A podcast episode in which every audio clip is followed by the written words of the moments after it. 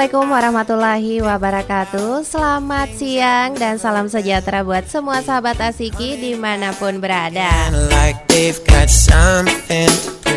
Uni kembali hadir di ruang dengar sahabat Asiki Tentunya di program berbeda. Kalau tadi Uni sih menemani sahabat Asiki di Salam Asiki seperti biasa ya. Tapi kali ini edisi spesial nih sahabat Asiki Uni akan berbagi informasi tentang kesehatan Dan yang sangat spesialnya karena hari ini kita akan ada talk show Bersama dengan dokter yang berasal dari klinik POPA Jadi simak nantinya jangan ke mana-mana ya Stay di sini di 107,5 FM ataupun juga bisa menikmati live streaming kami di www.asikifm.com. Untuk mengawali perjumpaan kita di edisi Talk Show kali ini, Uni persembahkan dulu satu lagu dari Raisa, lagu Untukmu.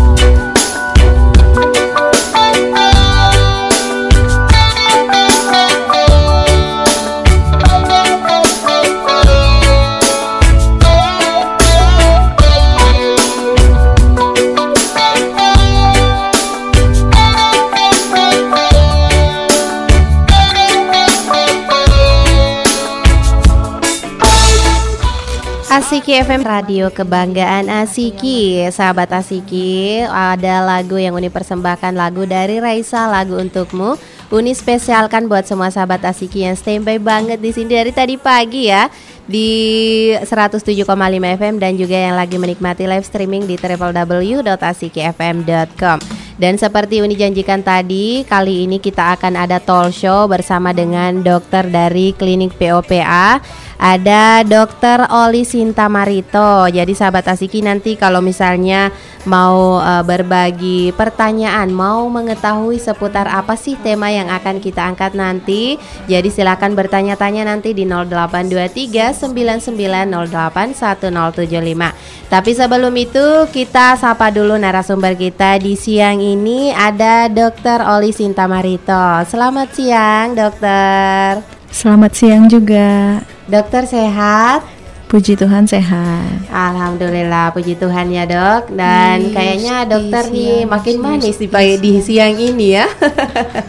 jadi, jadi sahabat Asiki, dokter Oli Sinta Marito ini uh, orang Batak pasti sahabat Asiki penasaran ya.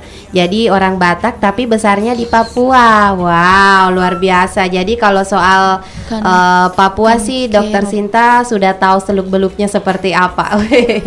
sudah banyak pengalaman di Papua karena pernah bertugas di Wamena selama kurang lebih tiga tahun.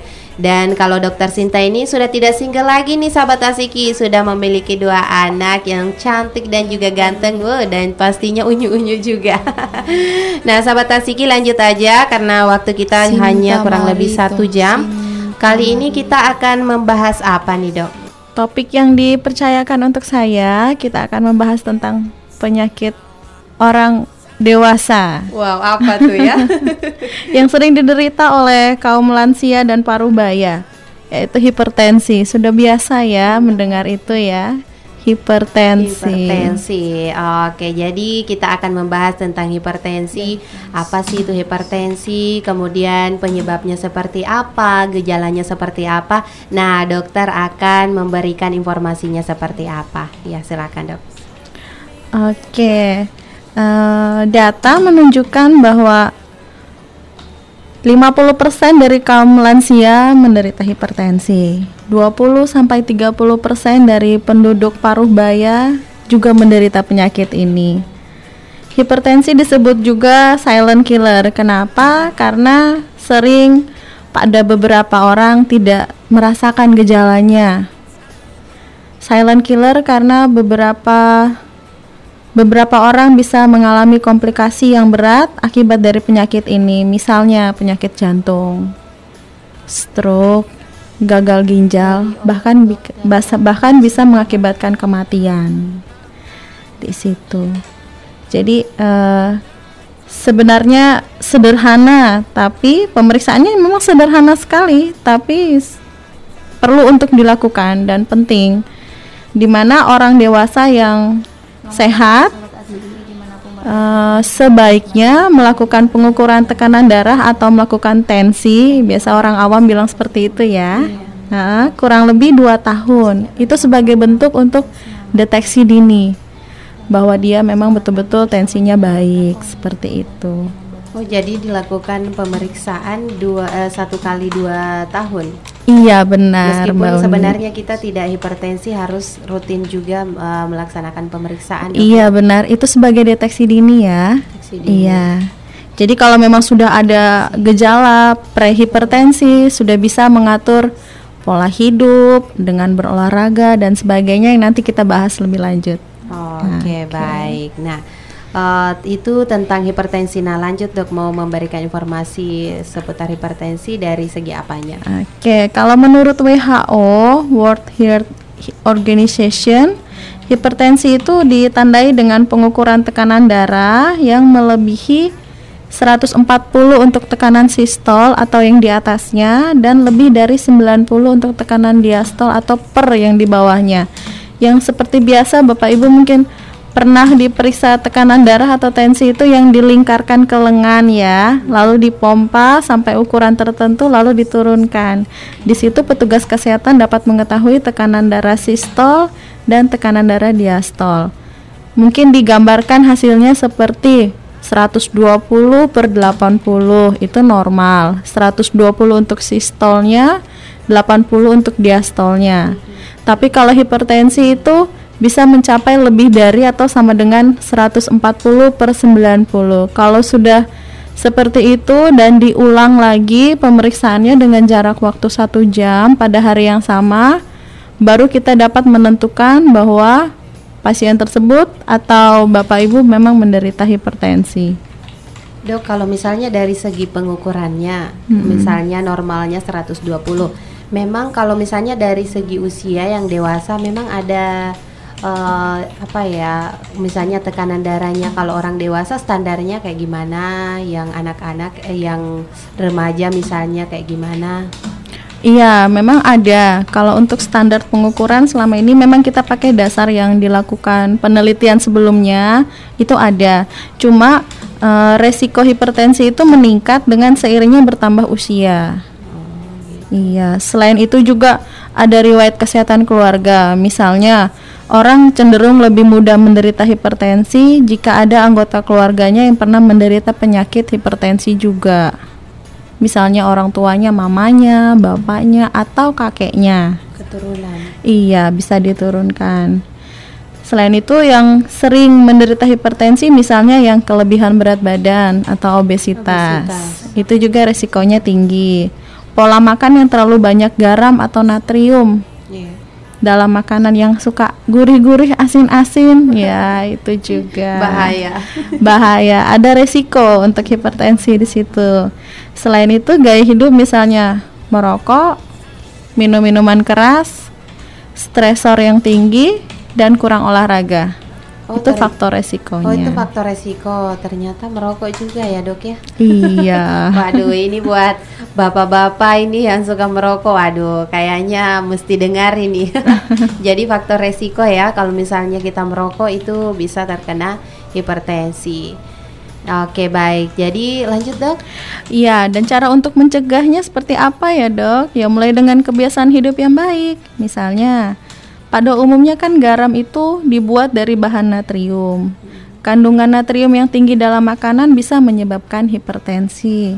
Waspadalah garam dalam makanan sehari-hari, misalnya dengan mengurangi konsumsi makanan yang diawetkan atau diasapi atau dikalengkan.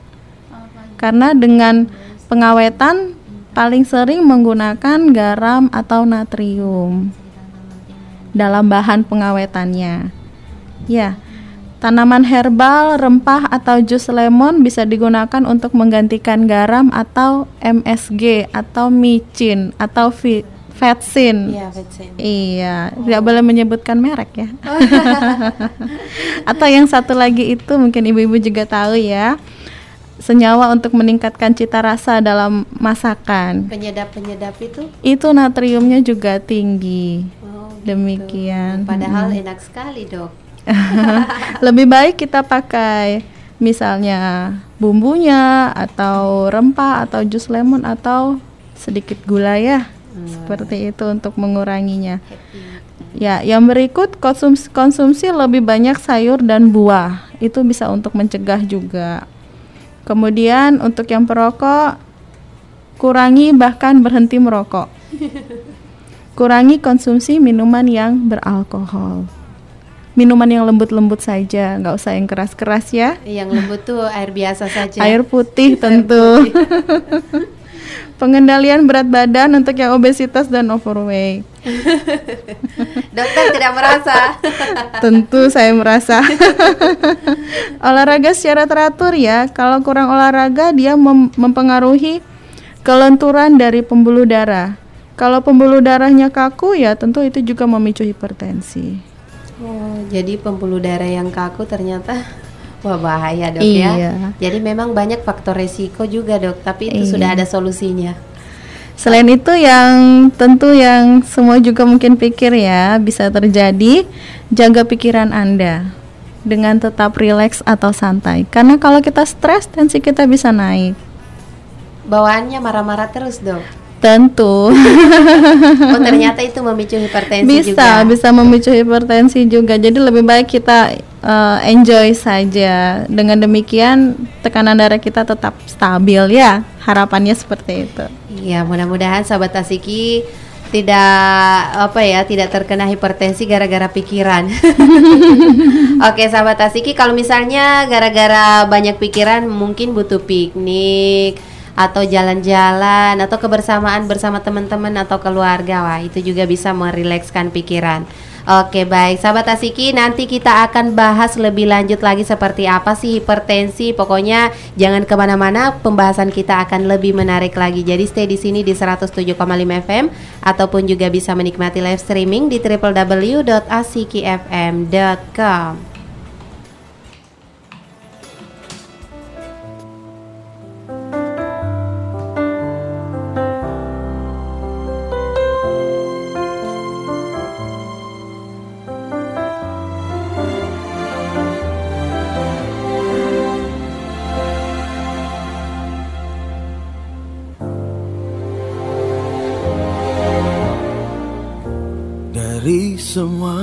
masa yang telah berlalu.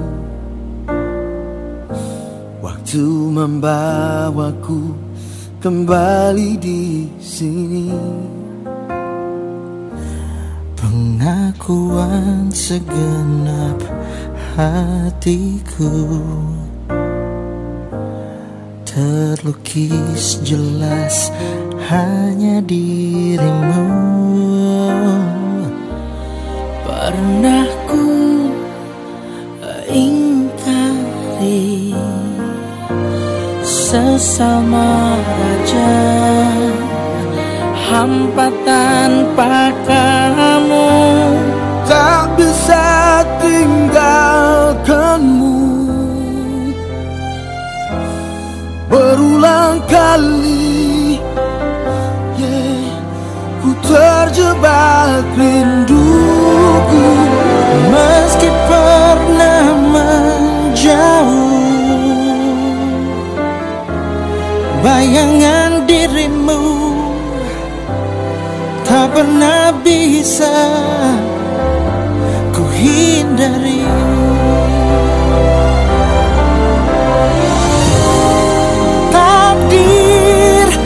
itu kamu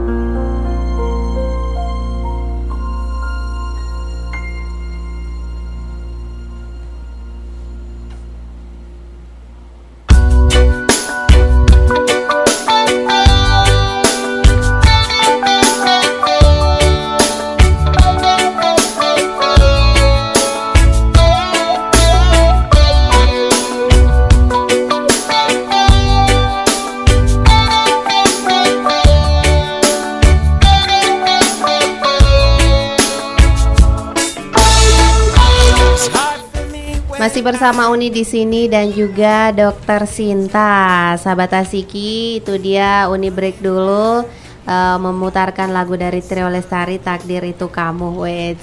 Semoga sahabat Asiki terhibur dengan lagu tadi dan sahabat Asiki yang ingin bergabung di sini untuk bertanya-tanya seputar hipertensi silakan bergabung di 0823 99081075 baik itu melalui WA ataupun juga pesan singkat alias SMS. Nah, sahabat Asiki lanjut aja kalau tadi tuh dokter sudah memberikan informasi apa sih itu hipertensi, apa saja sih penyebabnya dan juga bahkan uh, dokter Sinta sudah memberikan ternyata banyak beberapa faktor-faktor resiko yang bisa menyebabkan uh, terkena hipertensi apalagi kalau misalnya sudah lanjut usia waduh itu rentan banget tuh sahabat Asiki.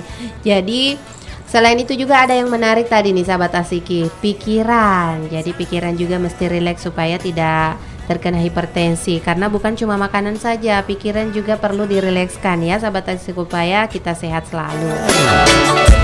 Oke lanjut. Tadi dokter juga membahas soal merokok nih. Wah, salah satu faktor resiko merokok ini kayaknya menarik. Apakah memang merokok itu bisa menyebabkan tekanan darah meningkat, Dok? Iya, merokok bisa menyebabkan tekanan darah meningkat.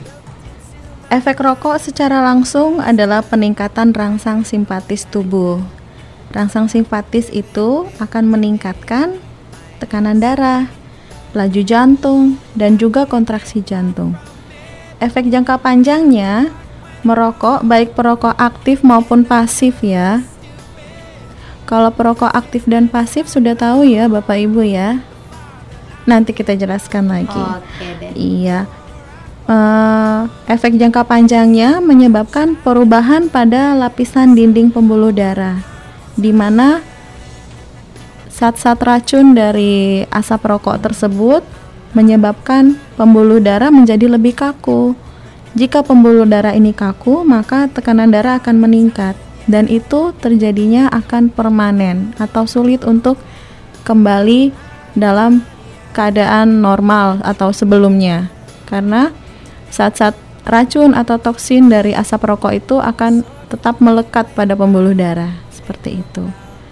Nah, jadi saya ulangi lagi ya, kalau perokok aktif dan pasif itu yang aktif itu di mana yang benar-benar merokok. Kalau yang pasif itu adalah uh, kita yang menerima asap rokok walaupun kita tidak merokok. Ternyata bisa juga, Dok ya? Iya. Apakah memang zat-zatnya itu yang menyebabkan, Dok, atau bagaimana? Iya, zat-zat itu sendiri yang ada di dalam atau saya bisa bilang racun ya, racun rokok ya yang ada dalam asap rokok itulah yang secara jangka panjang akan terakumulasi, akan terkumpul di pembuluh darah kita. Kalau sedikit-sedikit kan belum terasa. Biasanya kan tunggu banyak dulu. Dan banyaknya itu pada saat usia kita sudah uh, ya seperti saya sebutkan tadi ya, kalau uh, paling sering pada usia paruh baya atau bahkan lansia. Iya. Oke baik. Jadi masalah merokok, kita, Uni mau uh, apa ya membahas sedikit keluar dari situ. Karena kita bahas soal rokok, perokok aktif dan juga pasif. In, dok, ini kalau masal misalnya merokok ya memang ada larangan merokok ya, hmm. Apalagi dalam rumah karena kita juga terkena yang tidak merokok.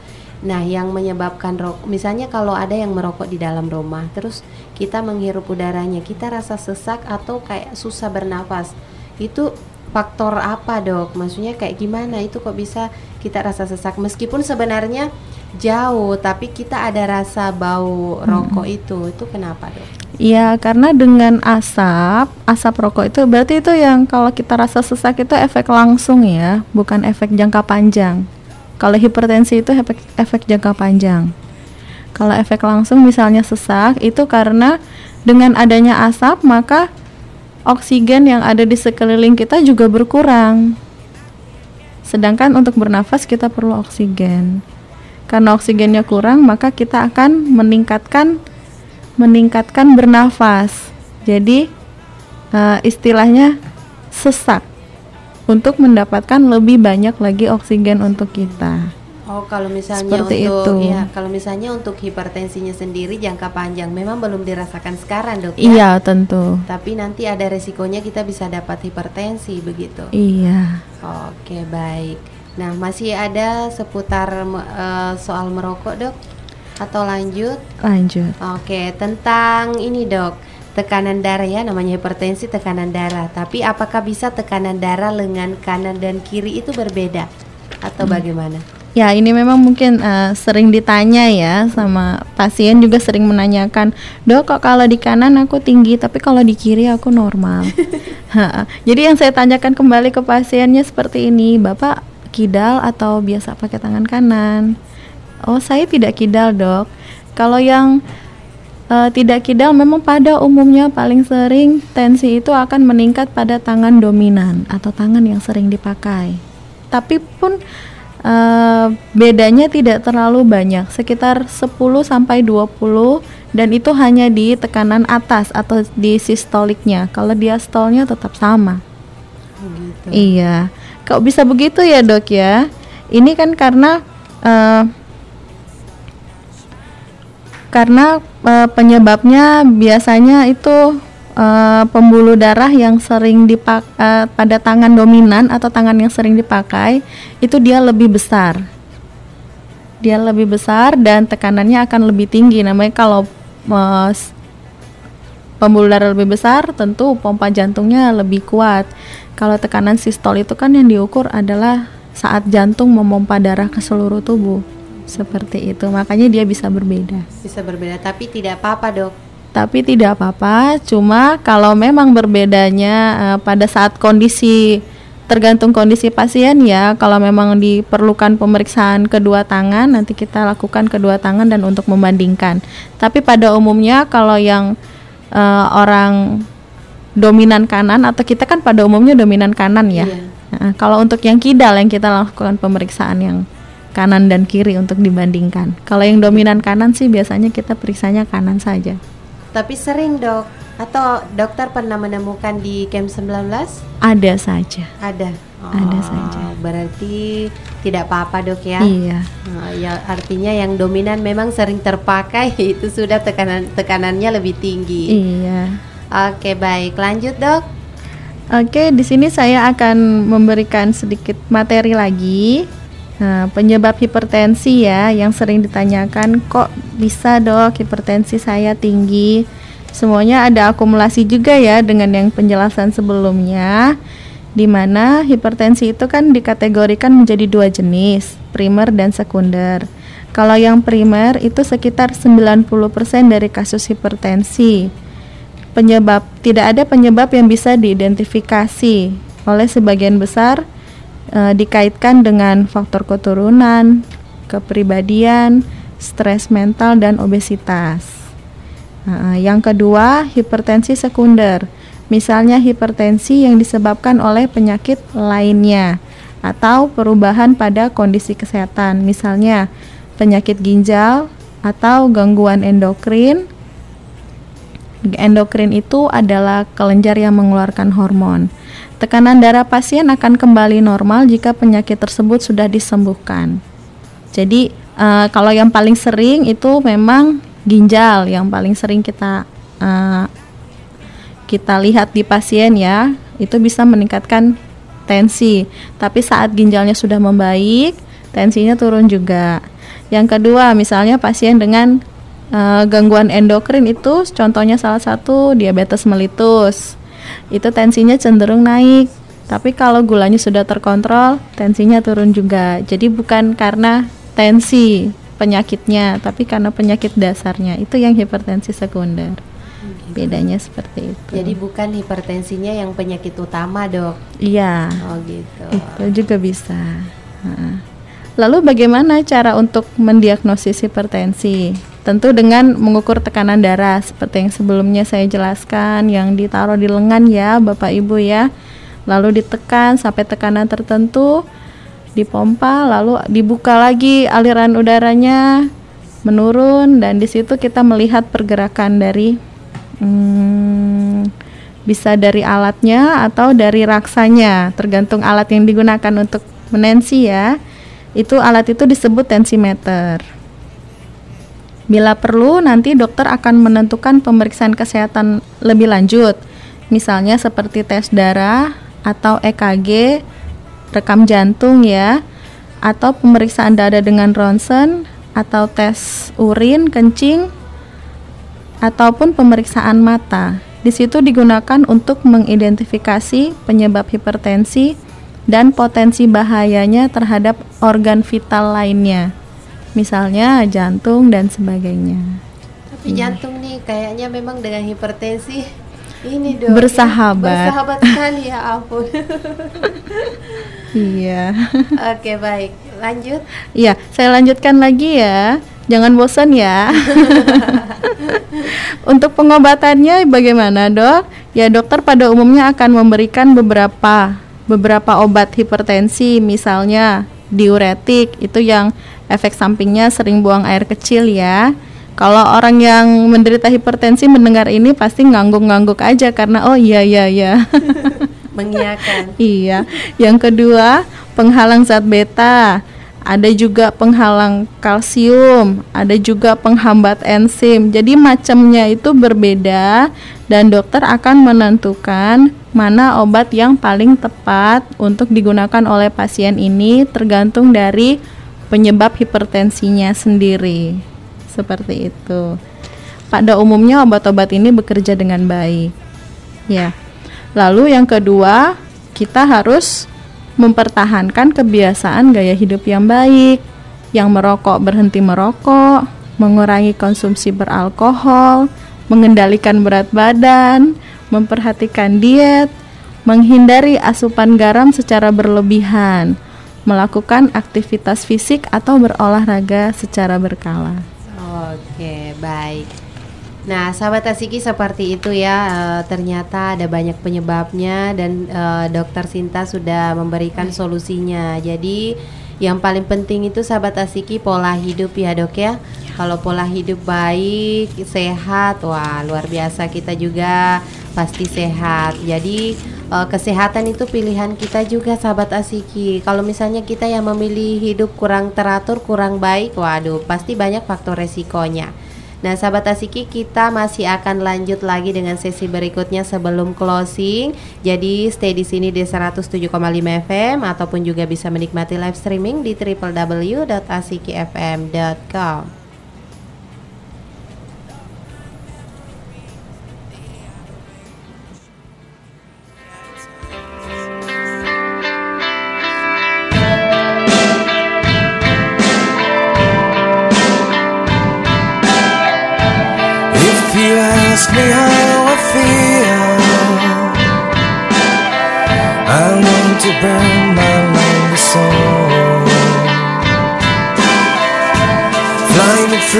the danger zone.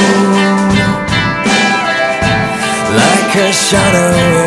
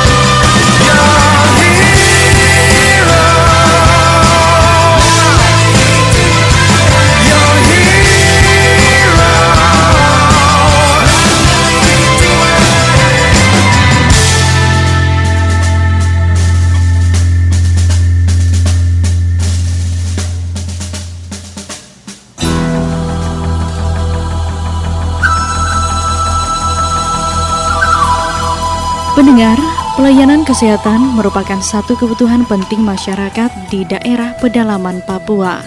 Karena letak daerah yang jaraknya jauh dari pusat pemerintahan distrik maupun ibu kota kabupaten, PT Tunas Sawa Irma dan Korea International Corporation Agency telah menghadirkan klinik kesehatan modern di Kampung Asiki yang diresmikan 2 September 2017. Pembangunan klinik tersebut sebagai respon perusahaan terhadap kebutuhan masyarakat dan membangun hubungan harmonis, bermanfaat, dan berkelanjutan. Sesuai komitmen Korindo Group Papua, klinik ini menjawab kebutuhan kesehatan masyarakat dengan fokus meningkatkan kesehatan dan sumber daya manusia. Kami akan berusaha dan mengupayakan semaksimal mungkin untuk kerjasama dengan para pihak yang telah membantu. Tujuannya untuk memuliakan dan untuk mensejahterakan masyarakat supaya dapat hidup sehat selalu.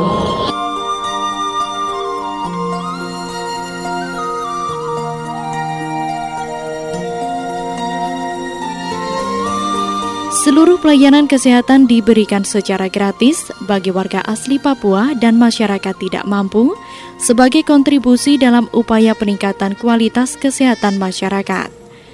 Pemerintah daerah melalui Wakil Bupati Bovendigul berharap klinik Asiki tidak saja menjawab kebutuhan kesehatan masyarakat Asiki, tapi juga memberi edukasi tentang perilaku hidup bersih dan sehat. Dengan adanya klinik Asiki ini, tingkat pelayanan edukasi kesehatan terhadap masyarakat di sekitar Asiki ini bisa lebih baik. Yang selama ini mungkin kita masih temui ada masyarakat kita, ibu-ibu kita yang masih melakukan uh, pelayanan kesehatan secara alam ya. Diharapkan yang klinik ini dia bisa datang untuk berobat di sini, mungkin persiapan memeriksakan kehamilannya, memeriksakan giginya dan segala macam. Sangat lengkap di sini. Jadi seperti itu harapannya tentunya masyarakat manfaatkan baik keberadaan klinik Asiki ini.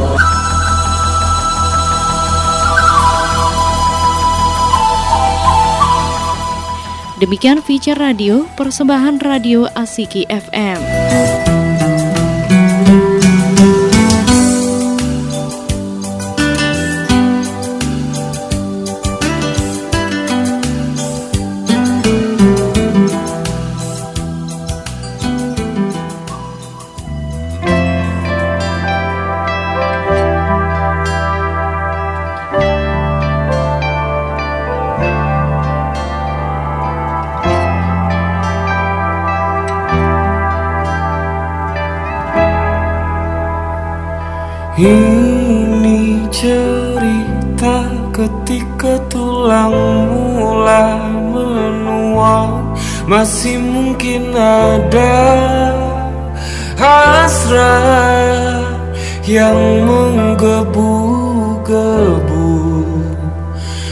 Berkumpul dan bernyanyi seperti dulu.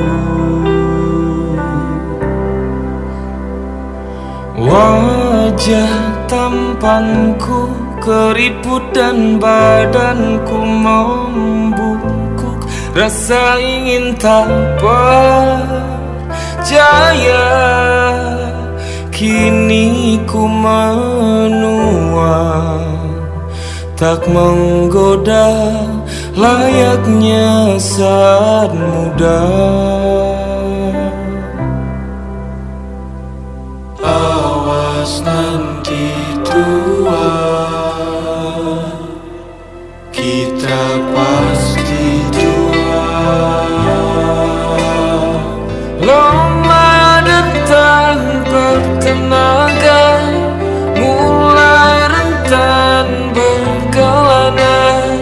Di balik rambut putihku. Wajah tampanku keriput dan badanku membungkuk. Rasa ingin tak percaya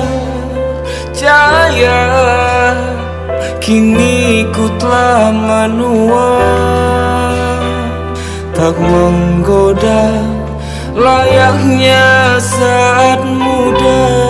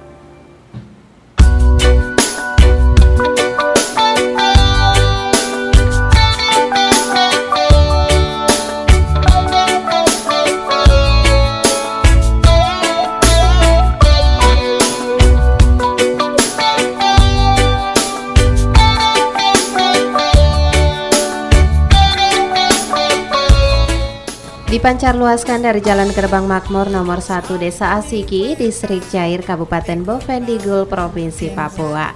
Nah, sahabat Asiki ada informasi dari klan, dari klinik Asiki dan juga lagu kita pasti tua. Ini semoga sahabat Asiki tersinggung deh dengan lagu kita pasti tua karena karena kita tidak akan muda terus. Apalagi kalau kita bahas soal hipertensi. Wah, ini hipertensi mengarah-ngarah ke arah-arah tua nih.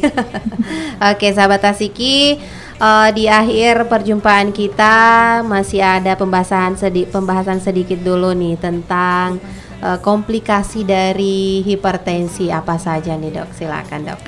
Oke. Komplikasi hipertensi. Pada sebagian orang ini ditakuti ya karena memang bisa mengakibatkan kematian. Tapi untuk sebagian orang lagi anggap remeh ini sepertinya. Jadi saya perlu memberitahukan lagi supaya kita sama-sama tahu ya. Yang pertama itu komplikasinya arteriosklerosis, di mana ini pembuluh darah yang memasuk oksigen dan nutrisi lainnya ke organ tubuh. Pembuluh darah tersebut mengeras dan menjadi lebih sempit. Arteriosklerosis ini bisa menyebabkan beberapa penyakit yang serius, misalnya penyakit jantung dan juga stroke. Ya, yang kedua aneurisma. Aneurisma itu adalah pembuluh darah yang membengkak atau membesar. Di mana hipertensi yang tidak terkendali bisa menyebabkan pembuluh darah menjadi tipis dan mengembang dan mengakibatkan aneurisma. Hal ini bisa berakibat fatal jika aneurisma itu pecah. Tergantung lokasinya di mana. Kalau lokasinya di otak, aneurisma pecah, dia mengakibatkan stroke. Kalau lokasinya di jantung, dia mengakibatkan henti jantung. Hmm, gitu. Iya. Oke, ngeri-ngeri aja ya dengernya ya. Ini jantung ini bahaya sekali. Komplikasi ketiga yaitu gagal jantung. Peningkatan tekanan darah akan meningkatkan resistensi pembuluh darah. Di mana peningkatan tekanan darah ini akan memberikan beban tambahan pada jantung. Beban tambahan ini jika terakumulasi waktu demi waktu dia akan menyebabkan kegagalan jantung. Ya. Makanya kalau kita punya tekanan darah tinggi tentu harus kita atasi ya, harus dengan minum obat maupun dengan perbaikan pola hidup seperti yang sebelumnya tadi dokter jelaskan. Ya. Komplikasi ketiga yaitu stroke di mana pecahnya aneurisma di otak, aneurisma yang tadi ya sudah saya jelaskan ya. Sering dokter ulang ya biar lebih paham ya. uh -uh. Di mana pecahnya aneurisma otak ini bisa menyebabkan stroke. Hipertensi yang tidak terkendali juga bisa mengakibatkan pembekuan darah di arteri karotis, arteri yang di leher ya, yang besar ya Bapak Ibu bisa diraba sendiri Bekuan darah tersebut bisa menyebabkan stroke emboli bila memasuki pembuluh darah. Jadi berbagai macam stroke bisa disebabkan oleh hipertensi yang tidak terkontrol atau tidak terkendali atau tidak diobati. Oke, okay. komplikasi yang ke kelima yaitu gagal ginjal gagal ginjal. Hipertensi yang tidak terkendali akan mempengaruhi arteri di ginjal dan menyebabkan kerusakan pada fungsi ginjal. Serem ya. Serem sekali dok, waduh okay. bahaya sekali nih. Komplikasi terakhir yaitu pada mata, retinopati, kerusakan pembuluh darah pada jaringan peka cahaya di bagian belakang mata bisa mengakibatkan kerusakan retinanya. Ya, Hipertensi tidak terkendali mempengaruhi arteri atau cabang pembuluh darah di mata sehingga bisa menyebabkan lesi atau kecacatan. Bisa cacat. Ya? Iya, bisa. Itu juga bisa terjadi. Oke, baik. Okay. Jadi seperti itu komplikasinya ternyata banyak sekali. Kayaknya ada enam poin tadi, Dok ya? Iya. Dan lanjut yang terakhir nih sebelum kita menutup perjumpaan nih, Dok. Bagaimana cara merawat pasien penderita hipertensi? Oke, jika kita memang penderita hipertensi atau keluarga kita, maka kita harus menyarankan nih kepada pasien ataupun keluarga kita tersebut untuk mengunjungi dokter secara berkala sesuai anjuran dokter. Mungkin di awal diagnosis dia memerlukan kunjungan satu minggu. Lalu setelah dosis obat hipertensinya disesuaikan, akan meningkat ke dua minggu bahkan sampai satu bulan. Dan uh, pasien ini perlu mengkonsumsi obat-obatan sesuai dengan saran medis yang diberikan dan disarankan untuk tidak menyesuaikan dosis sendiri tapi harus dengan konsultasi dokter. Iya, jangan uh, mengira-ngira. iya, jangan mengira-ngira. Selain itu kan kalau misalnya akan bepergian yang cukup jauh harus membawa stok obat-obatan dan rutin untuk mengukur mencatat tekanan darah secara berkala untuk tujuan pemantauan kesehatan. Dan yang paling penting, kebiasaan dan gaya hidup yang baik untuk mengendalikan penyakit hipertensi ini. Oke, jadi sahabat Tasiki kebiasaan yang baik ya, itu yang paling penting. Pola hidup yang sehat juga. Jadi sahabat Tasiki, semoga apa yang sudah diinformasikan dokter Sinta tentang hipertensi, baik itu penyebabnya, gejalanya, hipertensinya sendiri seperti apa, komplikasi bahkan juga faktor resiko yang disebabkan oleh hipertensi sudah dibahas semua. Semoga sahabat Tasiki uh, bisa mengetahui lebih lagi tentang hipertensi dan bisa mencegah dengan apa ya dengan hal-hal yang sudah diinformasikan dokter Sinta tadi. Nah, sahabat Asiki, terima kasih juga dok ya sudah berbagi informasi di sini di Asiki FM. Nanti kita tunggu lagi talk show berikutnya. Sama-sama. dengan pembahasan berbeda pasti dok ya. Iya. Oke, nah sahabat Asiki dengan ucapan wassalamualaikum warahmatullahi wabarakatuh. Selamat siang dan salam sejahtera buat kita semua.